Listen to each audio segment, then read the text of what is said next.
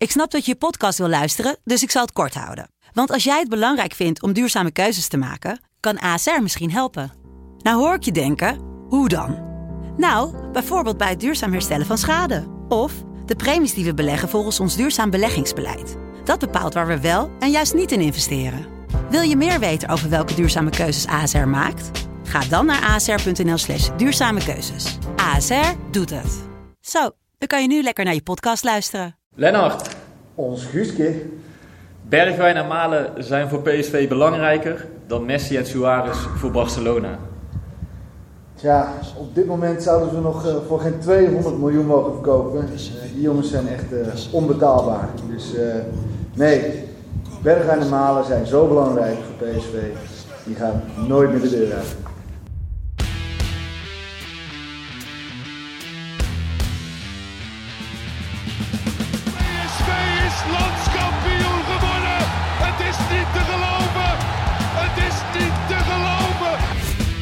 Romario, wordt dit zijn derde? Wordt dit zijn derde? Dit is zijn derde. Wat een wereldgoal. 5-1. Lozano richting De Jong. Oh, De Jong. Oh, wat een mooie. Fenomenale goal van eh, De Jong. Yes, de elfde aflevering van de PSV-podcast. En eh, we hebben er even op moeten wachten, maar we hebben weer gewonnen. Nou, daar gaan we natuurlijk uiteraard over hebben, maar er is nog veel meer te bespreken. Zoals eh, onze nieuwe aanvoerder, de rol van Bergwijn en Malen. De wedstrijd uit tegen Sporting en uiteraard komt Rick ook weer aan bod. En eh, Guus, jij zat eh, bij ons op de tribune, bij ons PSV. Vertel, wat vond je ervan? Ja, ik was in het stadion en ik heb zitten genieten de eerste helft. Ja, iedereen denk ik wel. Ja, ik vond het echt, echt tof om te zien. Eh, je had toch het gevoel dat, eh, dat de supporters de laatste week een beetje onderuit gezakt waren in hun kuipstoeltjes. Ja. En dat nu gedurende die eerste helft iedereen weer langzaam naar het puntje van zijn stoel schoof. Ja. Van, eh, het oude PSV was weer even te zien. Of het PSV van twee maanden geleden. Ja, het, het leefde ook weer. Iedereen had ook. Je hebt toch wat. Dat vertrouwen, dat komt dan toch terug nu die jongens er weer bij zijn. En eh, ja, dat is duidelijk waarom dat vertrouwen terug is. Ja, maar het, het liep echt als een trein. Hè. Ik bedoel, Ja. natuurlijk, we zijn dadelijk ook kritisch over de tweede helft en wat er nog allemaal beter moet. Ja. Maar ja, dan zit je die wedstrijd te kijken en soms eh, merk je dan na een kwartier of tien minuten in één keer dat je denkt, wow, het is Ja. echt leuk om, om te zien. Ja, ja. Ik bedoel, positiewisselingen voorin, eh, ja, Malen en Bergwijn natuurlijk, maar ook Iataren, Doan, Thomas was heel goed. Het was echt, echt leuk om te zien. ja, ik zit dus altijd achter de goal eh, op Oost. Dus ik kijk echt recht tegenover de andere goal. En ik had zo'n mooi beeld op die goal van eh, Bergwijn, die eerste. Die streep, ik denk dat die... Ja, die had je vanuit geen enkel oogpunt mooi kunnen zien. We zagen echt zo. Ik zat, wow, what the fuck? En, die- en ja, iedereen was ook een beetje zo van, hè, hè, ja, ja, Ja. ja. Maar dat is ook nou meteen een beetje als mensen vragen van ja, wat is nou het verschil tussen Malen en Bergwijn, of PSV met Malen en Bergwijn en PSV zonder die twee? Nou ja, kijk, die bal wordt veroverd op het middenveld. Goede actie van Rosario en Baumgartel. Bergwijn krijgt die bal rond de middencirkel en begint te rennen en schiet vanaf 20, 25 meter. Ja. Maar dit soort situaties waren er twee weken en drie weken geleden ook. Ja. Alleen gebeurde, dat kwam er dan niet zoveel uit. Nee, Maar dit is dus puur de individuele klasse van Bergwijn. Die op dat moment het verschil maakt. En dat is ook bij die 2-0. En dat is niet omdat ik Bruma nou wil afzeiken. Want dat had ook een andere speler kunnen zijn. Dat had ook Gakpo kunnen zijn. Maar die hebben ook regelmatig die bal daar aan de linkerkant van het veld gekregen. En dan kwam er niet zoveel uit. Of een voorzet. Of een bal werd terug, teruggelegd. eh, Ja, nou heeft Gakpo ook wel veel van dat soort momentjes gehad al. eh, Ja, dat eh, klopt, nog maar niet, eh, Je ziet dus de, de kwaliteit van Bergwijn. Die komt een keer één op één met zijn verdediger. Die twijfelt niet, gaat naar binnen, schiet raak. Nou ja, en door dus twee sublieme momenten van hem Ja. staat PSV met 2-0 voor. Ja, En dan heb ik het nog niet over het goede voetbal. Wat ze lieten zien in de eerste helft. Maar puur de individuele kwaliteit van een speler die het verschil kan maken ja voor je. dacht jij van die basis van Iatara? Ja. Hij was ook opgelezen, hè? Jezus, ja, hè? Hij, hij vindt het volgens mij heel leuk om met, Ja. eh, met Malen en Bergwijn te spelen. ja. Ik sprak hem na de wedstrijd ook even. Hij is trouwens wel echt een, een mannetje in de goede zin van het woord. Hij kwam aangelopen en voordat hij dan voor de camera's en zo moet staan, pakte hij even zijn telefoon, keek, keek hij naar zijn haartjes, terwijl hij heeft zo'n korte haren. Je zou zeggen dat hij niet verkeerd kunnen zitten. Maar plukje voor plukje legde hij het goed en toen, kwam, pa- toen pas, eh, pas kwam hij eh, bij de journalisten staan. Hij is natuurlijk zeker, hij blijft ook gewoon een puber. En ik, eh, Ja, maar het is heerlijk om ja, te zien, toch? want hij heeft een bepaalde bravoure. Maar tegelijkertijd is hij heel, ja, niet verlegen, maar heel sociaal en, en, en nederig bijna. Maar je hebt hem gesproken. Ja, ik heb hem heel kort gesproken. en hij gaf ook, ja, tuurlijk is het lekker om met die twee jongens voorin te voetballen. Ja. En, en Bergwijn was fantastisch. Ik vond Malen de eerste helft ook echt goed. Ik vond Sommige- zoekende. Ja, hij was zoekende, maar als je ziet voor hoeveel dreiging hij zorgt. Hij loopt continu op, de lijn, op die laatste lijn van de verdediging op zoek naar de ruimtes Ja. in de rug van die, van die gasten. Ja, ja. En ja, het kwam er nu nog niet allemaal uit, maar het zorgt gewoon voor zoveel dreiging als hij daar de hele tijd loopt te loeren voorin. En daardoor krijgt ook Bergwijn meer ruimte, daardoor krijgt ook. Doan meer ruimte, daardoor kan Iataren die paasjes geven. Want die, die bal vanaf rechts die hij in één keer tussen die verdedigers doorgeeft, die, die de keeper nog net redt van Malen. Ja, Ja, weet je, die paas is geweldig, Ja. maar die loopactie van Malen Ja, is ook maar Ze geweldig. kijken elkaar ook aan. Hè. Je ziet ook dat ze elkaar aankijken. En dat, dat contact is met een fractie van een seconde gelegd. En hij sprint weg. En ja, als je dat soort ballen op maat kan geven. Ja, Soms vraag ik me af, hoe krijgt, ze, krijgt zo'n jongen dat nee, voor ja, dat is ook. En, en natuurlijk had Malen die bal misschien moeten maken, maar het gaat mij meer om Nee, het feit ja. hoe gevaarlijk hij is en hoe die alweer staat, loopt te loeren op zijn kansen. Ja. Ja. en dat zorgt gewoon voor zoveel dreiging. En dat miste je de afgelopen tijd een beetje bij PSV. En dat vond ik ook, dat het heel erg in het stadion te merken was. Er hing weer echt een bepaalde spanning of zo van elk moment kan er iets gebeuren. Ja. Dus iedereen zat vol verlangen te kijken. Ja, en iedereen weet, eh, er moet gewoon gewonnen worden. En er zijn ook geen excuses meer. Ehm, ja, en dan, eh, als Bergwijn er dan twee maakt, dat is natuurlijk heel mooi. Ehm, maar er is ook een tijd geweest dat het bij Bergwijn allemaal net niet lukte. En toen had je Malen die, hem, eh, die ze allemaal maakten. Dus in die zin vind ik het leuk dat ze elkaar zo, zo aanvullen. Ja. Bij Malen lukt het nu net niet. Ja, En bij Bergwijn lukt het nu net wel. Want er zijn ook acties geweest bij Bergwijn dat hij hem gewoon kan of moet maken zelfs. Ja. En dat hij hem dan net niet maakt. Maar dan heb je altijd nog Malen die, de, die dus die bal erin tikt. Ja, maar om te laten zien hoe belangrijk zij zijn, had eh, het Algemeen Dagblad afgelopen dinsdag wel een mooi artikel. Oh, Die hadden wat cijfers opgevraagd. En daaruit bleek dat PSV, eh, PSV won 18, nee 13 van de 18 wedstrijden waarin ze allebei meededen, of één van de twee. ja. En PSV won maar één van de zeven wedstrijden waarin ze niet meededen. Dus dat is nog wel verschil. En dat zie je ook aan het aantal gemaakte doelpunten in die wedstrijden. Ja. Want als, eh, als één van de twee meedeed, maakten ze 2,4 doelpunten per wedstrijd. Deden ze allebei niet mee, dan maakte PSV maar 1,1 doelpunt per wedstrijd.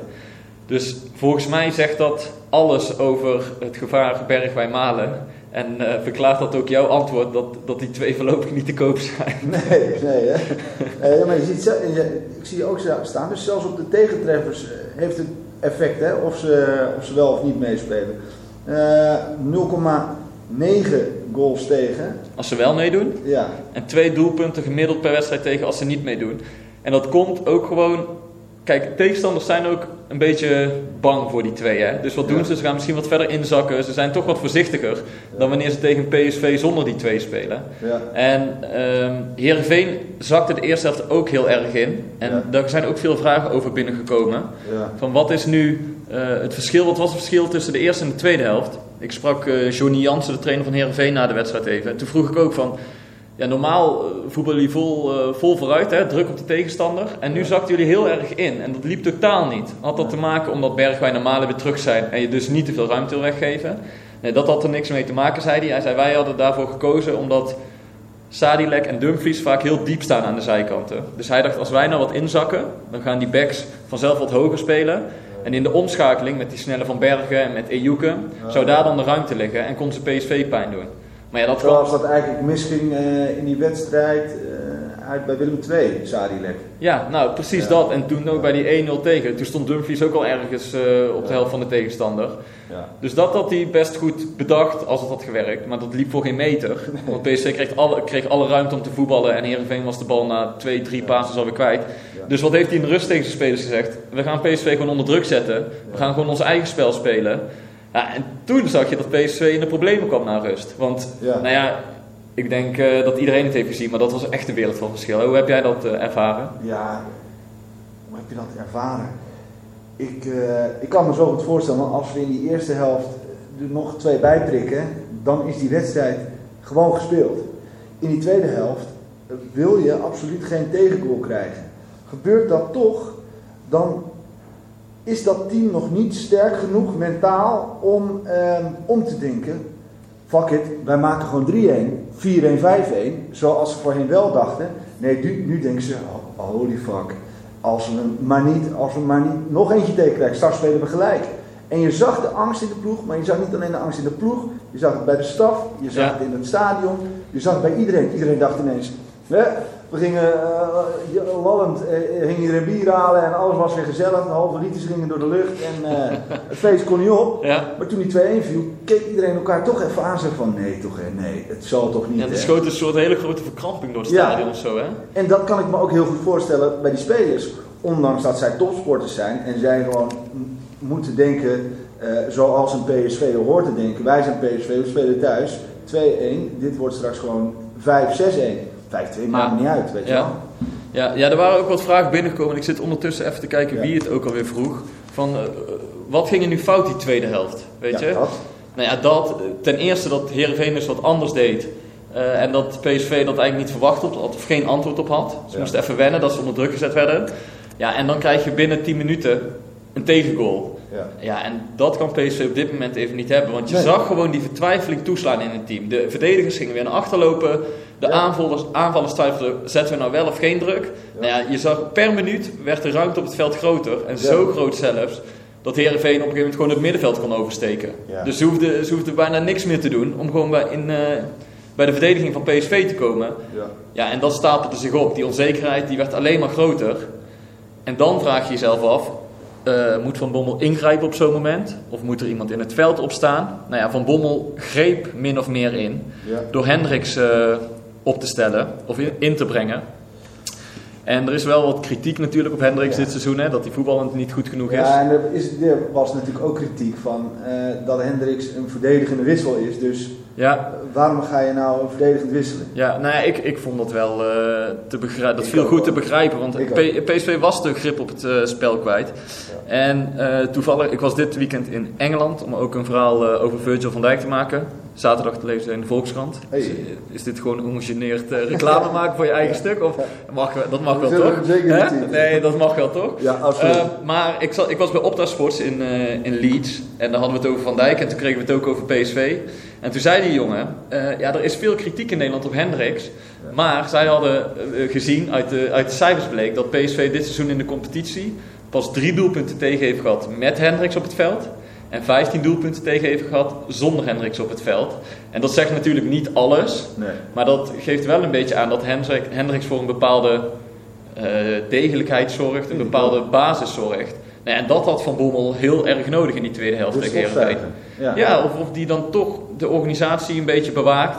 Ja. Eh, en die was totaal eh, kwijt in de tweede helft. Dus het, het viel goed te begrijpen dat Hendricks werd ingebracht. Alleen, de ruimtes waren zo groot op het veld. Ja. Ja. dat dat ook voor Hendricks niet te belopen was. Dat het niet tegenaan te vechten was. Dus het was maar goed dat, eh dat Nijs op een gegeven moment afvloot. Ja. Want, ja, serieus. Ja. Je zat eigenlijk gewoon te wachten tot het fout zou gaan, eerlijk gezegd. Ja, dat, dat voelde je heel erg. En dan komt er ook nog eens als klap op een vuurpijl. eh, pijl, wisten wij niet eh, hoeveel extra blessuretijd erbij kwam. Ja, we hoorden vijf minuten, maar dat wisten we niet zeker. En het bord viel uit en toen kwam er weer één en niet. En toen bleef het bord maar uit. Ja. Ja. eh, dus je weet het dan gewoon niet meer. Ja, Ehm, ja, dus dat was inderdaad wel spannend. En ik, ja, dan merk je ontlading, maar ook een soort van...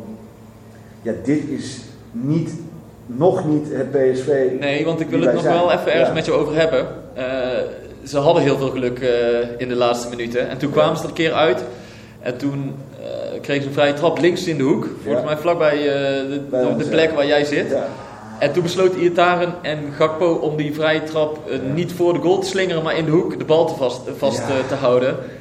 Nou, dat hebben ze geweten, hè? Want toen Ja. barstte er toch een fluitconcert natuurlijk- los in het stadion. Heb jij, eerlijk zeg eens eerlijk, heb jij ook gefloten?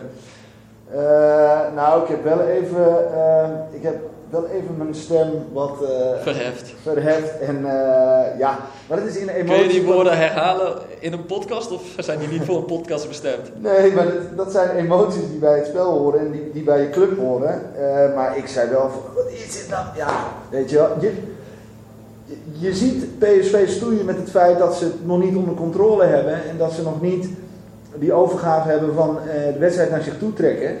Waar je als supporter wel heel erg naar verlangt. En als je dan in eigen huis eh, ja, tijd gaat rekken tegen een, eh, tegen een subtopper. Ja, dat, dat, dat doet pijn. En, Dat eh, hoort niet bij PSV, zo bedoel je te Precies. zeggen. Zo, en dat voelen de supporters ook heel erg, snap je? Dus dat is eigenlijk het probleem. Kijk, als het, Het viel mij is- wel op inderdaad. Zo'n hevig fluitconcert. Terwijl je weet ja, wat er de afgelopen weken is gebeurd en Precies. hoe belangrijk die overwinning was. Ja, Maar toch accepteren de fans dit blijkbaar niet. Dat, dat PSV tegen, in een thuiswedstrijd tegen een subtopper Ja. tijd gaat trekken. nee. Ja, maar dat is, ook, dat is ook logisch. Ik bedoel, daar hebben we het al vaker over gehad. Maar er zijn mensen die, die eh, hun hele leven bestaat uit PSV. Er, er gaat heel veel geld naartoe. eh, ze la- laten dingen voor de club. Ja, en als je dan zo naar jouw club moet kijken die tijd trekt eh, tegen de middenmoot. Ja, dat, eh, Ja, dat dat kan voor emotie zorgen. Kijk, iedereen is gewoon blij dat we drie punten hebben. En je hoopt dat we, dat we vooruit kunnen. En natuurlijk kun je af en toe wat cynisch zijn en denken van ja, eh, nee, tuurlijk is het nog niet goed genoeg. Maar ja, wat iedereen ook zei, het allerbelangrijkste, scheid aan hebben, zoals Bergwijn zei, scheid, we hebben Ja. gewoon met drie punten. Ja, nee, dat is ook zo. Ik bedoel, deze overwinning was ook echt goud waard voor PSV. Maar dat wil niet zeggen dat alle problemen nu zijn opgelost. Integendeel zelfs, want Nee. Wat ook weer aan het licht kwam in die tweede helft... is dat bij PSV in het veld wel echt een leider ontbreekt... die als het Ja. niet loopt zegt, jongens, we gaan het zo doen... En of die band dan om de arm van Rosario zit... of om de arm van Dumfries of weet ik veel wie die band draagt... Ja. Er is gewoon niet één speler die de boel dan bij elkaar roept en zegt: Oké jongens, tot hier en niet verder. Ja. En dat was ook wel weer heel duidelijk afgelopen zondag. Ja. Ehm, ja, we hebben een nieuwe aanvoerder. je hebt een nieuwe aanvoerder. Wil je het daar maar meteen over hebben? Laten we maar meteen over onze aanvoerder gaan hebben. Ja. Ja. Een, Of eh, hebben wij nog iets waarvan we zeggen van dat PSV Heerenveen, dat is, een, is nog echt iets... Ja, volgens mij was, hebben we het besproken toch, het laatste deel? Jawel, we hebben de wedstrijd wel Ja. besproken, maar eh, het grootste probleem van die tweede helft was voor mij dat er niemand opstaat. En die Ja. zegt van, want Van Bommel die probeert het dus te veranderen door Hendricks in te grijpen. Nou, dat hielp niet. Of een heel klein beetje, nou eigenlijk niet. Eh, dus dan, dan zit je te kijken in het veld, oké, wie gaat er nou eh, wat doen? Wie voelt zich geroepen om, eh, om de boel bij elkaar te, te schreeuwen of iets anders te doen? En Dumfries is natuurlijk wel de jongen die voorop gaat in de strijd. Ja. Maar ik vraag me af of hij eh, het tactisch vermogen heeft, het inzicht heeft, al de leiderschapskwaliteiten heeft om dan te zeggen: jongens, kom even bij elkaar, weet je. Ja. Dat vraag ik me af. Maar even terug naar die, naar die aanvoerderswissel. Volkomen begrijpelijk. We hebben het al een paar weken besproken. ja. Dus dat Van Bommel nu die keuze maakt. Nou ja, dat, daar is volgens mij iedereen het wel over eens dat dat een verstandige keuze is. Ja, en weet je, we kunnen er allemaal over zeggen eh, wat we willen, maar Van Bommel doet het nu uiteindelijk wel gewoon. Kijk, er is heel veel over gezegd, heel veel over geschreven. Er is heel veel kritiek geweest op Rosario. Eh, er is heel veel kritiek geweest over het feit dat Zoet onder de lat staat. Hij heeft nu wel die keuzes gemaakt. En ik Ja, vind ook wel hij dat- maakt duidelijke keuzes. En, en ik vind ook wel, daar moeten wij ook als supporters. Ja, weet je, we hebben hierom gevraagd. Nou ja, eh, hier is het, weet je wel. Nu zijn er inderdaad geen excuses meer. Maar ik vind het wel tof dat hij dus uiteindelijk zegt: Oké, we gaan het gaan doen. Ja. Ja, volgens, ja, kijk, hij heeft gewoon aan het begin van het seizoen een beetje een inschattingsfout gemaakt wat betreft Rosario. Ja. Voor mijn gevoel heb je drie aanvoerders. Drie type aanvoerders bij een voetbalteam. Dat kan enerzijds zijn gewoon de meest ervaren speler, vaak een centrale verdediger. Dan denk ik aan een Willem Jansen bij FC Utrecht, een Mike de Wierik bij Groningen, een Joris Peters bij eh, Willem II. Dat zijn jongens die al heel wat jaren meelopen, die zich goed kunnen verwoorden eh, en die van nature een beetje de leider zijn. Ja. Nou, dan heb je spelers die gewoon eh, de beste zijn en die aanvoerder worden gemaakt om meer verantwoordelijkheid te geven. Ja. Ik noem een Berghuis bij Feyenoord. Weet je, Dick. Advocaat heeft hem heel bewust aanvoerder gemaakt. Omdat hij dan zegt, nou, pak je verantwoordelijkheid maar laat maar zien dat jij de beste bent. Precies. Of je hebt de types, eh, de grote talenten, eh, die je eigenlijk nog groter wil maken door een aanvoerdersband. Denk aan Matthijs de Ligt vorig jaar bij Ajax. Ja. Denk aan Koopmeiners bij AZ. Nou, en volgens mij heeft Van Bommel eh, die intentie ook gehad met Rosario. Hij ziet natuurlijk veel potentie in die jongen. Vorig jaar heeft hij het goed gedaan. Dus hij dacht, als ik hem nou aanvoerder maak, hij ligt goed in de groep, wat heel belangrijk is. Als ik hem aanvoerder maak, dan wordt hij nog belangrijker. Dan kan hij nog verder groeien. Alleen dat heeft gewoon verkeerd uitgepakt. Want Rosario is blijkbaar van zichzelf niet ehm, die leider. Eh, Nee, ja, terwijl inderdaad, ik kan me die keuze van Van Bommel, als je het zo uitlegt, en daar hebben we het natuurlijk even over gehad al, is het op zich best wel een, een logische keuze, omdat hij gedacht heeft, kijk, Rosario ga ik sowieso niet missen. Eh, als Affelay erin komt, wordt het waarschijnlijk een blok met Affelay en Rosario. Die met z'n tweeën, dat, gaat, dat gaat goed komen. Eh, maar het is niet gelukt, want die jongen is geen aanvoerder. Dat kan iedereen zien. En hij voelt zich niet prettig voor de camera. Hij voelt zich niet prettig met hoe hij zich moet verwoorden. Dus Nee, en symbolisch was volgens mij wel het interview na de verloren wedstrijd tegen Willem II. Daar Ja. hadden we het toen meteen al over. ja, Daar stond niet iemand die voor zijn troepen ging staan, die de crisis even zou bezweren, die zei waar het op sloeg. Ja. Nee, daar stond echt een verslagen voetballer die het ook niet meer wist. nee. En toen dacht ik wel van, kijk, ja, dit is niet... Kijk, een aanvoerder is ook gewoon, eh, hoe je het ook bent of keert, een uithangbord voor je club. Precies. Je moet het ook leuk vinden om het te doen. En bij Rosario had je gewoon heel erg het gevoel dat het een verplichting was. Dat, het, dat het moest. En dan is het niet goed. Dus daarom is het, eh, daarom is het echt goed dat Van Bommel heeft gezegd... Oké, nou, dit heeft niet gewerkt. Ik wil jou weer beter eh, zien voetballen. Hoe gaan we dat doen? Nou, in ieder geval door die band even af te nemen. Ja. Dus daar is helemaal niks mis mee.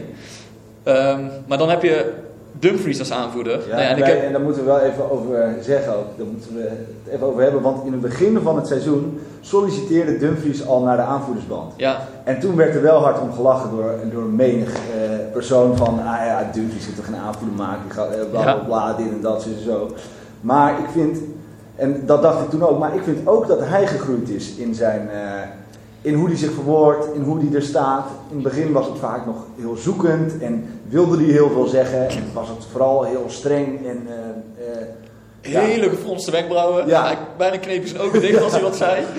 Zo boos was hij altijd. En nu staat er toch wel een relaxtere gast die, die het inderdaad leuk vindt om, om te vertellen hoe het gaat, wat er beter kan, eh, wat er misging. Ja. Nou, dat was ook een vraag van Ed Sjoerd Joustra. Ja. Ehm, Uit Amsterdam. Ja, nee, ja, Ja, hij komt ja, uit komt eerst Amsterdam. dan. Oké. Ja. Eh, de band ging van Affelay naar Rosario en nu heeft Dumfries hem bij gebrek aan beter. Eh, mist PSV een echte leider? Nou ja, daar hebben we het net een beetje aan over gehad. Maar inderdaad, is dit bij gebrek aan beter? Of is hij de ideale aanvoerder? Nou, volgens mij kunnen we wel concluderen dat dit op dit moment bij gebrek aan beter is. Ja. Eh, omdat Affelay al in eerste instantie aanvoerder is. Omdat ze Rosario hebben geprobeerd. Dus ze zijn niet direct bij, bij Dumfries uitgekomen. Nee. Wat ik wel nog opvallend vond. ehm, of ja, opvallend is misschien niet, niet het goede woord. Maar ik had toch wel een keer verwacht dat Viergever die band zou krijgen. En dan meer ehm, aan, de, aan de richtlijnen of kernwaarden die ik net een beetje heb genoemd. Ja. Hij is eh, ervaren. Hij heeft de leeftijd. Hij heeft een centrale positie in het rol. Nederlandse jongen eh, die, eh, die zich goed kan verwoorden tegenover de media. Verzekerd van een basisplek. Dus eigenlijk heeft hij alle ingrediënten, volgens mij, om een aanvoerdersband te dragen. Maar toch, toch ziet Van Bommel het niet helemaal in hem zitten als aanvoerder in ieder geval. Want als, als verdediger is hij onomstreden. Nou ja, en ik denk dat dat heel erg te maken heeft met dat je heel veel verschillende persoonlijkheden hebt binnen zo'n groep. Eh, jong, oud, weet je, ze komen allemaal met, eh, hebben Ja. allemaal verschillende achtergronden. En ik denk dat hij daarin, vind ik, Dumfries ook beter passen. Ja, en dat was ook een van de redenen, geloof ik, dat eh, Rosario de band aan het begin van het Ja. seizoen kreeg. hè. Omdat hij juist heel goed, goed in die groep Ja, ligt. precies. Dus, eh, en ik geloof ook wel dat, dat, dat de groep ook zoiets heeft gehad van ja, maar Denzel, ja, jij bent ook gewoon nu onze aanvoerder. Ik denk dat dat, eh, ik denk dat dat een goed besluit is. Ja, ja en hij heeft, het, hij heeft het zelf afgedwongen, min of Ja. meer. Dus eh, Yes. nee, het valt ook te begrijpen hoor, zeker. Ja. Eh, wij gaan door naar Sporting eh, PSV ook, hè? Oh, gaan we meteen door naar Sporting? Ja, nee, dat is Ja. goed. Eh, prima. Dan, Ja, Jij zigzag door het draaiboek heen, maar dat maakt helemaal niet uit. Helemaal niet. Jongens, even, even. Nee hoor. Nee, ja, nee Sporting staat alweer voor de deur, dat klopt. Ja. ja, want er moet gewonnen worden. Ja, een cruciale wedstrijd. Eh, misschien moeten we dan meteen even een vraag van een luisteraar erbij pakken als we het toch over Ja. Sporting gaan hebben. Yes. Dan ga ik hem even opzoeken, want ik ben nou helemaal van me apropos door jou. eh, Oeh, ja. waar is hij? Eh, Hoe verslaan we Sporting van Ed Provi?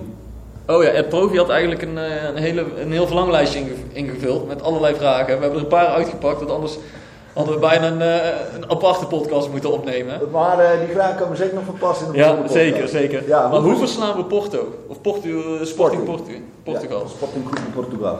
Nou ja, volgens mij door dezelfde hantiek te hanteren als Van Bommel tegen andere sterke tegenstanders heeft gedaan. Zoals Ajax, zoals Sporting thuis. Ja, toch wel? Dus wat in te zakken, ruimte creëren voor jezelf. En dan met eh, de snelle boys voorop. Ja. Eh, oms- eh, ja, want kijk, die, Ja, die, is verdediging is op dit moment, die verdediging is op dit moment nog niet zo stabiel. Nee. Weet je, zodra PSV ruimte gaat weggeven, dan vallen er uh, tegendoelpunten. Ja. Dus je moet gewoon zorgen dat je organisatie staat, dat je weinig ruimte weggeeft. En hoe lekker is het als Malen en Bergwijn vanaf de middenlijn kunnen gaan rennen. Met, een- met een open half veld voor zich. Ja. Weet je, laat die Portugezen maar een beetje komen, laat ze uitrazen. Ja. En ja, je moet hopen dat Bergwijn en Malen eh, de vorm van afgelopen weekend eh, voortzetten. Ja, met de steekpas van Iataren, eh, ja, dan ben je eigenlijk wel klaar. Ja. Ja, maar hoe zou jij, want ik zie jou een beetje... eh, Ja, kijk, omdat we het ook over hadden gehad van hè, hoe speelt Heerenveen in de eerste helft en in de tweede helft. In de eerste helft zijn ze het helemaal kwijt. Laten ze eigenlijk PSV in, in het spel komen. En in de tweede helft gaan ze doen waar ze goed in zijn en gaan ze veel meer druk zetten. Eh, gaan ze voetballen ja, en naar voren voetballen. En dat merk je, dat, daar heb je het gewoon altijd moeilijk tegen. Ik kan me niet voorstellen dat er, een, eh, dat er ploegen zijn die alleen maar achteruit zakken en, en die loeren op de counter. Ja, we zijn geen eh, Mourinho. eh, we worden Nee. niet... nee.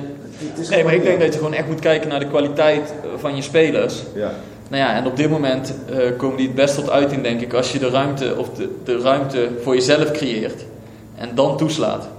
ja ik, zou, ik zou het meer, iets meer keuzes maken in momenten waarop je, eh, waarop je druk zet en waarop je terugzakt. Ik zou niet een hele wedstrijd wachten op... eh, Nee, ze hoeven ook zeker niet op hun eigen 16 te gaan hangen, maar Nee, dat, dat nee. gaan ze ook niet doen. Nee. Maar ja, toch. Het wordt, het wordt wel een, een behoorlijk potje, hè, want kijk, die storm is door de overwinning op Heerenveen heel even gaan liggen, een beetje. Ja, Gevoelsmatig. Ik weet is niet hoe dat bij jou als Als die eerste supporter helft is. gewoon door was getrokken en we hadden in die tweede helft eh, hetzelfde kunnen doen als in de eerste helft, ja, dan denk ik dat er een heel ander gevoel eh, had geheerst dan nu. Nee, dat klopt, maar toch, eh, je hebt gewonnen, dus je hebt heel even wat rust. Ja. Dus we kunnen weer even ademen. Ja. Alleen nu staat er zo'n belangrijke wedstrijd voor de deur. Want als je verliest, lig je gewoon uit Europa waarschijnlijk. Ja. En hoe je het ook bent of keert, ik ben wel van mening, als PSV deze groep niet doorkomt, heeft Ja. het echt gefaald. ja, want wij hebben aan het begin van het eh, seizoen gezegd, toen, toen we begonnen met deze pool, heb ik zelfs, ik kan me nog heel goed herinneren, ik zei, die moeten gewoon de eerste worden. Ja, maar lu- luister nou, PSV heeft de ambitie om bij de beste 32 clubs van Ja. Europa te horen. Bergwijn wilde de Europa League, of wil Ja, de Europa dus, League winnen. dus dan zijn er eh, geen excuses als je hier wordt uitgeschakeld. Want ja, je hebt inderdaad zonder Ba- Malen en Bergwijn met 4-1 bij Lask verloren. Maar dat was gewoon een regelrechte afgang. ja. Eh, en wat ook nog meespeelt, de eerste twee wedstrijden win je. Dus na twee wedstrijden sta je riant aan kop met zes punten. Niks de hand. Ja. Als je dan daarna nog zo weggeeft... Ja. Ja, dat, volgens mij is dat echt een enorme klap voor PSV als zij niet overwinteren in Europa. En dan heb ik het niet over de eh, financiële gevolgen, maar gewoon puur sportief. Ik bedoel, PSV wil weer meedoen, PSV wil een naam opbouwen in Europa. Ja. Ja, als je er dan uitgaat in een pool met Lask en Rosenborg, dan mag je je wel een beetje schamen. Ja, ik moet er ook niet, ik moet er echt niet aan denken. Dus ik, ik ben ook echt wel gespannen voor die wedstrijd. Ja, er staat echt serieus heel wat op het spel, dat is zo. En dat stadion, dat is ook nog best wel een heksenketen hoor. Ja, en nou hoorde ik gisteren ook ergens voorbij komen van ja, weet je, die- Europa League, die wedstrijd is echt veel minder belangrijk dan de komende wedstrijd tegen Emmen weer zondag voor de competitie. Ik weet het niet hoor. Nee, nee, dit is wel echt een afgang. En dit is ook, ja, dit is voor je reputatie en dit is voor alle fans. Stel, even serieus, als we donderdag verliezen en je vliegt uit de, uit de Europa League. En ehm, ehm, daar in, eh, in, Amsterdam gaan ze, gaan ze door. Ja, dat, maar dat moet eigenlijk nog niet zoveel uitmaken of Ajax wel of niet doorgaat. Nee, ja, het doet misschien maar- nog wel extra pijn voor jullie Ja. als supporters. Precies. Maar gewoon puur naar de kwaliteiten van PSV gekeken en ook vooral naar de eh, minimale kwaliteiten van twee van de drie andere ploegen in de pool. Eh, ben je gewoon echt aan je stand verplicht om die pool door te komen. Daarom. Hoe, dat maakt niet uit. Daarom. Nee, maar tuurlijk, eh, we hebben een goede selectie, dus natuurlijk moet je winnen. Maar Ja. dat even erbuiten gelaten, is dat gewoon, ja, dat doet zoveel pijn eh, voor, voor de supporters. Dat, Ja, dat oké. kunnen ze haast niet maken. Nee, oké, ja, dat, dat gevoel heb ik dan minder, maar ik, ik begrijp wat je bedoelt. Ja, ja. Nou ja, hoeveel gaat het worden, denk jij? Oh, we doen nou wel een eh, voorspelling. Ja, we gaan natuurlijk, eh, dit is toch een, een, eh, een topic aan zich. We, we, we ronden dit blok af. Ja. Ja, dit is, wij, wij werken tegenwoordig ook met blokken hier. Ja. Voorspelling, ja. Ja, ik wil, ik wil geen ruzie met jou. Ik zeg 1-0 voor PSV. 1-0 voor PSV, Ja. ja. Ehm, ik denk dat het, dat het super spannend wordt. Ehm, 1-2. 1-2. 1-2. Toch een beetje 2-3, maar ik weet niet of PSV in staat is uh, om. Uh, stel dat ze echt ver achterkomen, bijvoorbeeld 2-0, weet ik niet of we ja, dat een beetje laat. Ja. je wil nou weer allemaal dingen zeggen, Ja. maar Ja. 2-1 voor PSV heb je gezegd. We gaan het zien. Yes. Ja, we gaan eh, zo verder vooruitblikken natuurlijk op Emmen uit. En eh luister naar Rick's ru- rubriek. Maar eerst wil ik jullie even op wijzen eh, dat de andere podcasts van FC Afkikken ook te beluisteren zijn. Zowel maandag, woensdag en vrijdag. Dus daar kun je naar luisteren voor al je dagelijkse update over al het voetbalnieuws. En ook voor de Italiaanse voetbalfans kun je luisteren naar de Lo Stadio podcast. Nu snel door met PSV. Rick, kom er maar in. Ja, tegenwoordig bij PSV gaat het bijna elke persconferentie over Ibrahim Afellay. En dat is misschien ook wel een beetje logisch. Ibrahim Afellay is aanvoerder van PSV en speelt op dit moment niet. Sterker nog, hij heeft nog geen seconde voor PSV gespeeld in een officiële wedstrijd. Hij doet wel mee in oefenwedstrijden waarin hij ook 90 minuten maakt. Eh, maar ja, Mark van Bommel vindt hem nu simpelweg niet goed genoeg om te starten. Hij zou eventueel misschien kunnen invallen, maar ook de trip tegen Sporting Portugal maakt hij weer niet mee. Ja, het is een beetje, eh, toch een beetje een vreemde situatie. Hè? Het seizoen eh, eh, is al in volle gang. Afellay is aanvoerder van PSV. Ja, ehm, dat is een beetje op basis van hoe zij, hij zich in de groep beweegt. Hè? Hij is wel een, een leider in eh, die jonge groep. Maar ja, op het veld kan hij natuurlijk niet bijdragen. En dat zorgt ook best wel voor eh, wat teleurstelling bij hem. Ehm, ja, hoe het nu verder moet. Ja, Afellay, het is afwachten. Ehm, ik denk dat beide partijen toch eh, in de winterstop nog eens een keer goed bij elkaar moeten zitten. Ik vind ook, hè, dat is niet omdat ik het helemaal door een roze bril wil ki- bekijken, maar vind dat je ook niet te negatief zou moeten zijn over het aanvoerderschap van Afellay. Ehm, als hij eh, voor PSV waarde heeft gehad, bijvoorbeeld hè, als, je, als je kijkt naar Iataren, hè, als straks Iataren eh, bijtekent bij PSV, bij zou tekenen moet ik zeggen. eh, en Afellay heeft daar een rol in gespeeld. Ja, dan kan dat voor PSV uiteindelijk van hele grote waarde worden. Als Afellay straks een rol in de jeugdopleiding kan gaan spelen, dan kan het best wel voor of voor PSV van waarde zijn. En eh, wat dat betreft, ja, we moeten er denk ik ook niet te veel waarde aan hechten. Al is het natuurlijk ook wel een beetje een vreemd signaal als je aanvoerder eh, alleen maar op de tribune zit of niet eens meegaat naar een Europese trip. Ehm, maar goed, het, het heeft zijn redenen. Of hij nog heel veel gaat spelen, ik betwijfel het ten zeerste. Eh, het is hem van harte gegund. maar ja, het is toch wel een lastig verhaal, denk ik. Als je nu nog niet bij de beste 18 zit van PSV, ja, dan zal het toch niet makkelijk worden. Yes, Rick, dankjewel weer. Onze beste vriend van de show. En eh, nu gaan we verder naar eh, de PSV buiten Brabant. Ja, en Guus, je hebt een hele leuke Ja, en we pakken er meteen weer een rubriek achteraan. Ja, En mij sprong Mr. Kevin Strootman in het oog. ja. Want eh, onze oude vriend heeft het lastig in Marseille. Is Ja. niet meer verzekerd van een basisplek. Ehm, Franse media schrijven al een tijdje dat hij eh, verkocht mag worden. Alleen eh, zijn trainer Willem nog, Vilas Boas, die wil hem eh, niet kwijt in de winterstop. En diezelfde Franse media schrijven ook al een tijdje dat PSV een optie voor hem zou zijn. ja. En toen dacht ik, is dat een interessante optie? PSV en Kevin Strootman. Ja, dat denk ik wel. Al hebben we natuurlijk wel heel veel middenvelders al. Dus, eh, maar... Is Hij is misschien wel het type leider Precies. dat je op dit moment kan gebruiken. Al heb ik hem zelf niet heel veel zien voetballen de laatste tijd. Nee. Eh, maar, nou ja, maar- hij gaf een mooi paasje bij het Nederlands elftal. ja, dat zeker, dat Dus, zeker. dus die heb ik Ja. onthouden. Dus Ja. op basis van de laatste beelden Ja, eh, mag hij terug. Maar ja, ik vind dat wel lastig. We hebben is ook lastig. We hebben best wel veel middenvelders. Ehm, maar ik denk dat het bijvoorbeeld voor Stroopman heeft natuurlijk best wel wat Nederlanders terug zien gaan eh, naar de eredivisie. En ik denk, die hebben er allemaal niet slecht aan gedaan. Nee, alleen al met het oog op het EK. Ja. Komende zomer zou het voor hem heel goed zijn om naar een club te gaan waar hij zeker speelt. Want als dit doorgaat, dan verliest hij ook zijn plek in Oranje. Eh, en hij heeft al sowieso geen basisplek, omdat hij de concurrent van Frenkie de Jong is. Nou ja, Ja. iedereen die concurrent van Frenkie de Jong is, weet Ja. dat hij lekker op de bank mag gaan zitten. Precies. Alleen, ik heb begrepen dat Ronald Koeman heel erg tevreden over Strootman is. Omdat hij een beetje de leider van de wissels is.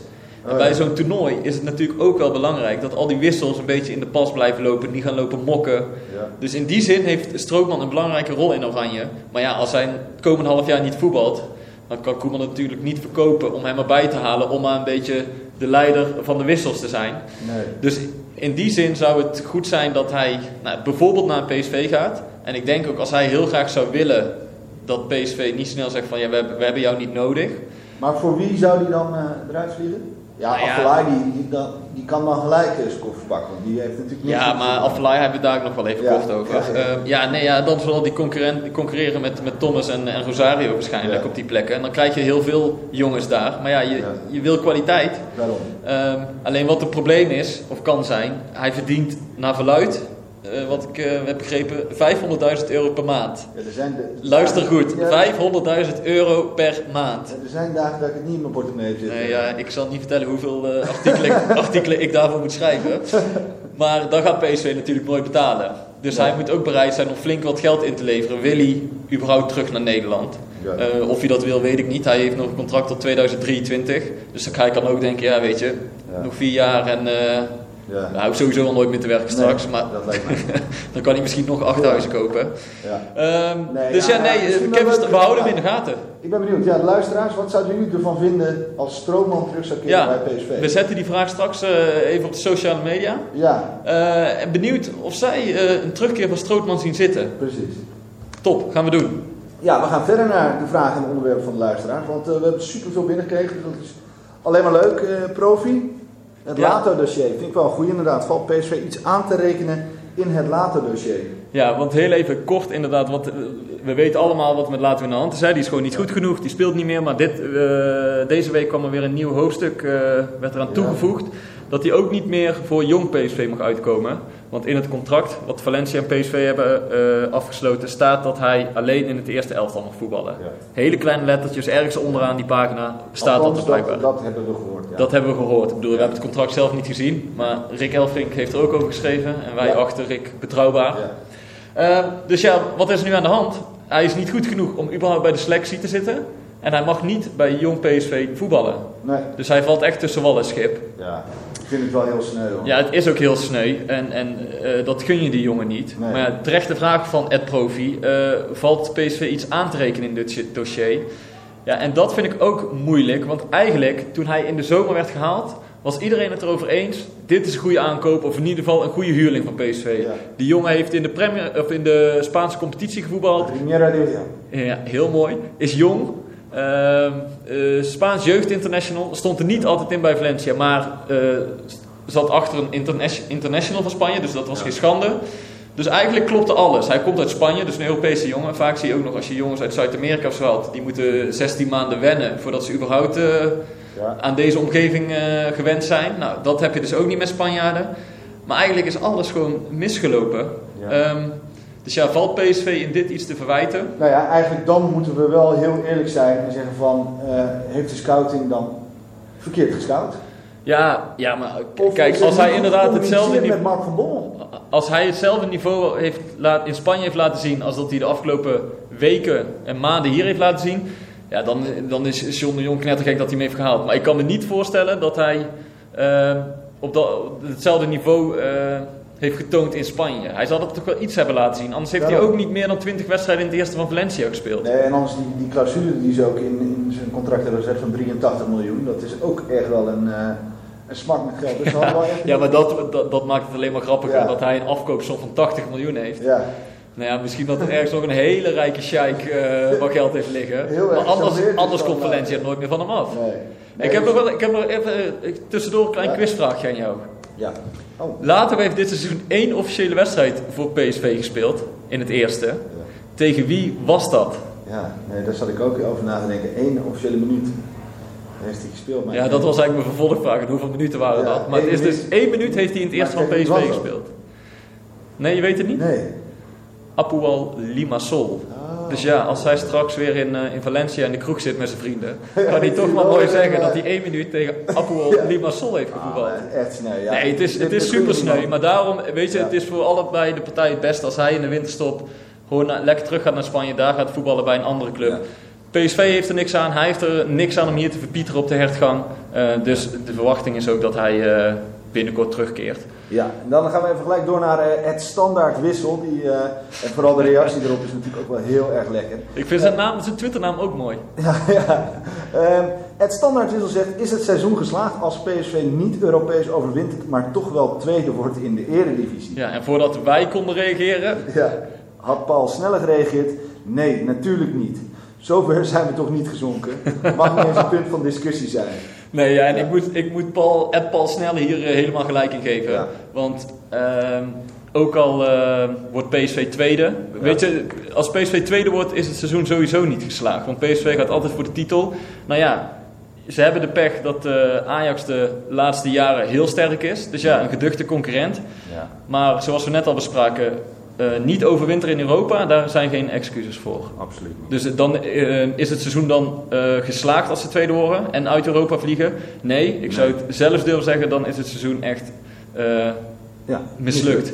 Ja, toch? Zeker. Ja. Het Mountain Division, is wel mooi voor jou denk ik, eh, is Thomas de ontbrekende schakel. Vind ik ook vroeg om dan nu al meteen te zeggen, ja, alle problemen zijn opgelost met Thomas. Maar hij speelde wel goed. Ja, wat, wat, wat hij wel goed doet, is dat hij... ehm, kijk, voor mijn gevoel had je voorheen al bij PSV een blok van zes. Dus de vier centrale verdedigers met de twee controleurs. Ja. Dan was er een denkbeeldige eh, lijn, werd er getrokken. En daarvoor waren die vier, Ja. die mochten doen wat ze wilden. Ja. En Thomas is wel een beetje die speler die af en toe die lijn oversteekt. Weet je, die zich af en toe met de aanval bemoeit. Zich dan weer laat inzakken. Dus in die zin verbindt hij, is hij wel een verbinder voor het team. Maar of hij nou de ontbrekende schakel is, ja kom op, die jongen heeft anderhalf jaar niet gevoetbald. Dus dan ga ik niet Ja. na anderhalve wedstrijd roepen, ja kijk, hij, eh, alle Nee. problemen zijn opgelost. Maar hij heeft wel bepaalde kwaliteiten die PSV goed kan gebruiken. En hij deed eh, vooral in de eerste helft zondag echt goed inderdaad. Dus ik denk wel dat, dat hij, eh, dat hij zijn plekje heeft afgedwongen heel snel. Vind ik ook. Dus dat vind ik ook knap. Ja. Ehm, het Pietje PSV Puk. Heeft PSV, PSV te veel dezelfde type centraal verdedigers? Ja, dat, ja nee. Nee, vind ik niet. Nee, ik bedoel, je kan eh Swaap niet met, eh met viergever vergelijken. Absoluut niet. Eh, en, oh ja, hij, hij vroeg ook nog, hij stelde ook nog de vraag: missen we niet een type als Alex of Sanchez? Ja, ik denk dat elke club wel een Alex zou willen hebben. Graag. Als die, als die nu gratis komt aanwandelen, dan denk ik dat Van Bommel hem opstelt. Ja, en ik, had, wie die heeft. en ik had ook best wel geloofd, Swaap was niet zozeer de beste verdediger, maar wel die leider achterin. Ik had verwacht dat dat met Baumgartel in het Duits toch eh, wat makkelijker zou gaan dan verwacht, maar dat is ook nog niet gelukt. Ja, Boskeli is volgens mij, die kan ook op, eh, Ja. op eh, links. Ja, maar je kan ze niet allemaal over één kam scheren Nee. en zeggen van dit zijn allemaal dezelfde types. Dus, Nee. ehm, en dan weer heel even speciale aandacht. Ja. Want we hebben toch iets meegemaakt. We kregen een verzoek Yes. van iemand. een privébericht. Ja. En die stuurde de volgende tekst. En daar worden wij natuurlijk heel warm van. Ik ben Ajaxiet, maar een stiekeme luisteraar van jullie podcast. Nou ja, toen eh, maakte Hey. jouw hartje een, sprong, een sprongetje, denk ik, Lennart. Dankjewel daarvoor. We zullen je naam niet noemen. Dus, zijn vraag. Ja, Mijn vraag aan jullie: wie is in jullie optiek de linksback die je zou halen van buitenaf in de winterstop? Graag een realistisch antwoord. Nou ja, wij konden maar aan één naam denken: ja. Nico Tagliafico. ja, ik denk dat hij heel graag naar PSV zou Ja. komen. Met jou misschien wel mee dan. Eh, Nee, onzin. De Tagliafico zal niet komen. Eh, nee, we hebben het vorige keer ook al een beetje besproken in de podcast. Ja. Als ik, als ik eh, John de Jong was, zou ik eh, een lijntje uitgooien naar eh oude Jan van AZ. Ja. Ehm, wie, wie ze verder zouden moeten halen, weet ik niet. Maar in mijn optiek is dat nog steeds een heel goed alternatief voor eh, de problemen Ja. die PSV nu heeft. Ja, en we hadden het, eh, las op Twitter ook van een aantal mensen terug, eh, toen we dat hadden gezegd hè, over de linksback. We hebben niet heel veel opties voor die linksback. Toen eh, zei iemand, nou Willems flirt regelmatig met PSV. Ja, kijk, als Willems terug zou komen, zou ik wel heel mooi vinden. Maar volgens mij heeft hij best wel naar zijn zin daar eh, bij Newcastle. Ja. Eh, dus ik vermoed niet dat hij dat die terugkomt, maar goed. ja. En dan nog één vraag, Ja, de laatste. denk ik. Ja, Ed, de foto's van Niek. Waarom is Aflaai er niet bij in Portugal? Betekent dat dat hij niet goed genoeg is voor de kleedkamer? Ja, Aflaai zien daar niet mee met de selectie. Nee. Vond ik ook opvallend. Want Later ook niet in Tezo. Nee. Eh, maar Van Bommel nam Affelay vorige keer wel mee naar Oostenrijk, naar. Ja. Toen gebruikte hij hem ook niet, zette hij hem ook op de tribune. Maar toen was hij zo belangrijk om erbij te zijn als leider. Ja. Maar nu zijn we drie weken later en is het niet meer belangrijk. En het is gewoon zo, er worden ook veel vragen eh, de laatste tijd op de persconferentie over gesteld. Van hoe zit het nou met Affelay en wat is er allemaal aan de hand? Ja. Hij speelt in de oefenwedstrijden, maar hij kan nog geen 10 minuten in de competitie spelen. Nou, van Bommel heeft gewoon eerlijk gezegd: we hebben hem een kans gegeven om hier te revalideren. En dat zag er in het begin van het seizoen goed uit. Ja. Maar het zijn, zijn vorderingen vallen gewoon tegen. En op dit moment is hij gewoon niet goed genoeg. Dus zo eerlijk is Van Bommel ook. Ehm, maar ja, het mysterie wordt natuurlijk met de dag groter. Want iedereen verlangt eh, naar een vleugje Affelay. maar het en lijkt ook, er steeds... En, en ook omdat hij natuurlijk wel gezegd heeft van Affelay blijft wel mijn eerste aanvoerder. Ja, maar het lijkt er steeds meer op. eh, of ja, je gaat jezelf steeds meer afvragen: gaat het er überhaupt nog ooit van komen? Ja, ik Ehm, dus ja, nee, ja, om antwoord te geven op je vraag. Ik, ik snap het ook niet zo goed waarom je hem dan de vorige keer wel meeneemt. eh, als, als leider in de kleedkamer, maar nu niet. Maar eh, ja, ik heb Van Bommel er niet over gesproken, dus laten we niet te veel eh, speculeren. Precies. Laten wij eh, vooruitblikken en afronden. Emma uit. Ja, dat was vorig jaar. Een bananenschil. Daar begon de ellende een beetje. Of de Ja. ellende. ja, Sinds, ja, PSV won alles voor de winterstop. En de eerste beste wedstrijd na de winterstop ging het fout in Emmen. ja. Ehm, en toch heb ik het gevoel dat ze die wedstrijd makkelijk gaan winnen. Mhm. ja, ik denk het ook wel. Ja, ik weet niet waarom. Al Maar is het wel afhankelijk toch ook weer van sporting. Eh, Vertrouwen, denken ze, denken ze daar eh, nog wat vertrouwen? En kunnen ze dan Emma uit eh, met de fitte selectie ook? Ja, je zei, het stond boven in eh, ons draaiboek nog van ja, wat als Bergwijn en of Malen allebei weer geblesseerd raken, wat gebeurt er dan? Het is natuurlijk ook afvragen. Dus Nee, ja, eh, ik doe deze uitspraak eh, met, de, met de kennis of met de wetenschap Ja. dat Bergwijn en Malen meedoen. Ja, nee, dus daarom waren we ook heel blij dat die 60ste minuut natuurlijk gewisseld werd. eh, Ja. Maar goed, ja, nee, dus ik vermoed inderdaad dat als we Malen en Bergwijn er gewoon bijhouden eh, en Iatare ook fit blijft, dat het goed komt. Korte voorspelling? Eh 1-3 voor PSV uiteraard. 0-2. Yes. En eh, eh, nog één ding even trouwens. Eh, Ja. Gaan wij volgende week niet iets weggeven in onze podcast? Of, of heb ik nou wat te veel verklapt? Nou ja, ja, er gaat iets heel leuks komen, ja. Ik weet niet of dat al volgende week Oh, is het nog niet? Oké, dan heb ik nog Ja, niks het gezegd. ligt er een beetje aan wanneer... Knippen we dit gewoon eruit? Wanneer, nee hoor, nee helemaal niet. Nee, absoluut niet. Nee, het wordt superleuk. Ik heb, eh, ik heb iets geregeld voor onze luisteraars. Ehm, dat komt in ieder geval volgende week zeker in de uitzending. Maar eh, we gaan iets leuks weggeven. Nou, nou, wat een ontiegelijke cliffhanger is. Yes. ja, nou ja, we zijn in ieder geval weer aan het einde gekomen van de 11e PCB podcast. Dankjewel voor het luisteren. Houdoe en bedankt.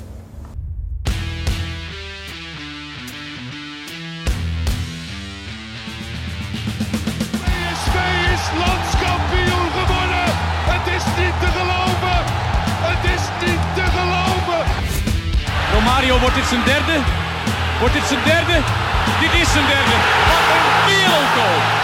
5-1. Lozano richting De Jong. Oh, De Jong! Oh, wat een mooie. Fenomenale goal van eh, De Jong.